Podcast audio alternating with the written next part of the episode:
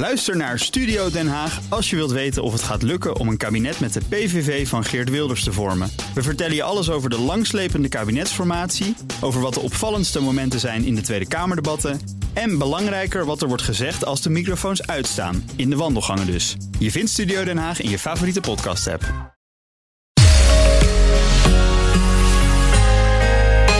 Aandelenbeleggers kijken met spanning uit naar de aankomende speech van Jay Powell, de baas van de Amerikaanse centrale bank. Paul spreekt dit weekend op de jaarlijkse conferentie van centrale bankiers in de VS, de Jackson Hole-conferentie. Momenteel koopt de Fed maandelijks voor 120 miljard dollar aan obligaties. Maar nu de Amerikaanse economie weer de omvang van voor de pandemie heeft bereikt, de arbeidsmarkt snel herstelt en inflatie boven de 5% ligt, is er voor het opkoopbeleid nauwelijks meer een rechtvaardiging. En Paul gaat misschien uitleggen wanneer en in welk tempo de aankopen zullen worden verminderd en uiteindelijk gestopt. Waarom is dat voor aandelenbeleggers interessant? De S&P 500, de brede Amerikaanse aandelenindex, staat momenteel meer dan 30% hoger dan voor de pandemie. Veel commentatoren betogen dat dat grotendeels door de centrale bank komt. Het idee is dat de liquiditeit die de Fed creëert de beurskoersen opstuwt.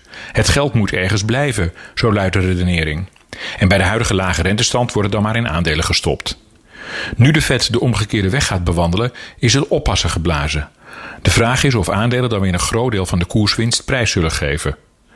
Wat mij opvalt, is dat degenen die om het hardst roepen dat de beurs voornamelijk door de centrale banken is opgedreven, vaak mensen zijn die zelf niet of nauwelijks van de stijging van die aandelenkoersen geprofiteerd hebben.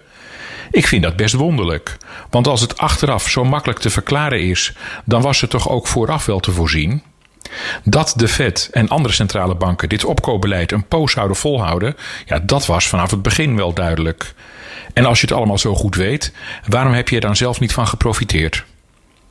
Wanneer de Fed daadwerkelijk aankondigt de aankopen te verminderen, zullen sommige aandelenbeleggers wellicht hun biezen pakken en dan komen koersen mogelijk onder druk. Maar het zou best eens heel tijdelijk kunnen zijn. Ik denk dat wat er met bedrijfswinsten gebeurt voor aandelenkoersen uiteindelijk veel belangrijker is dan het opkoopbeleid van centrale banken. Veel bedrijven zijn er in de crisis in geslaagd hun verdienvermogen te vergroten door hun activiteiten te stroomlijnen en te investeren in digitalisering. Of ze de winstgroei kunnen vasthouden nu de conjunctuur alweer over het hoogtepunt is, ja, dat is een wat ander verhaal.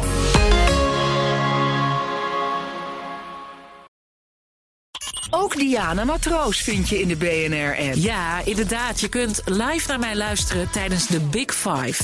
Ook handig in de BNR-app. Breaking nieuwsmeldingen, maar ook het allerlaatste zakelijke nieuws. En je vindt in de app alle BNR-podcasts, waaronder Wetenschap Vandaag. Download nu de gratis BNR-app en blijf scherp.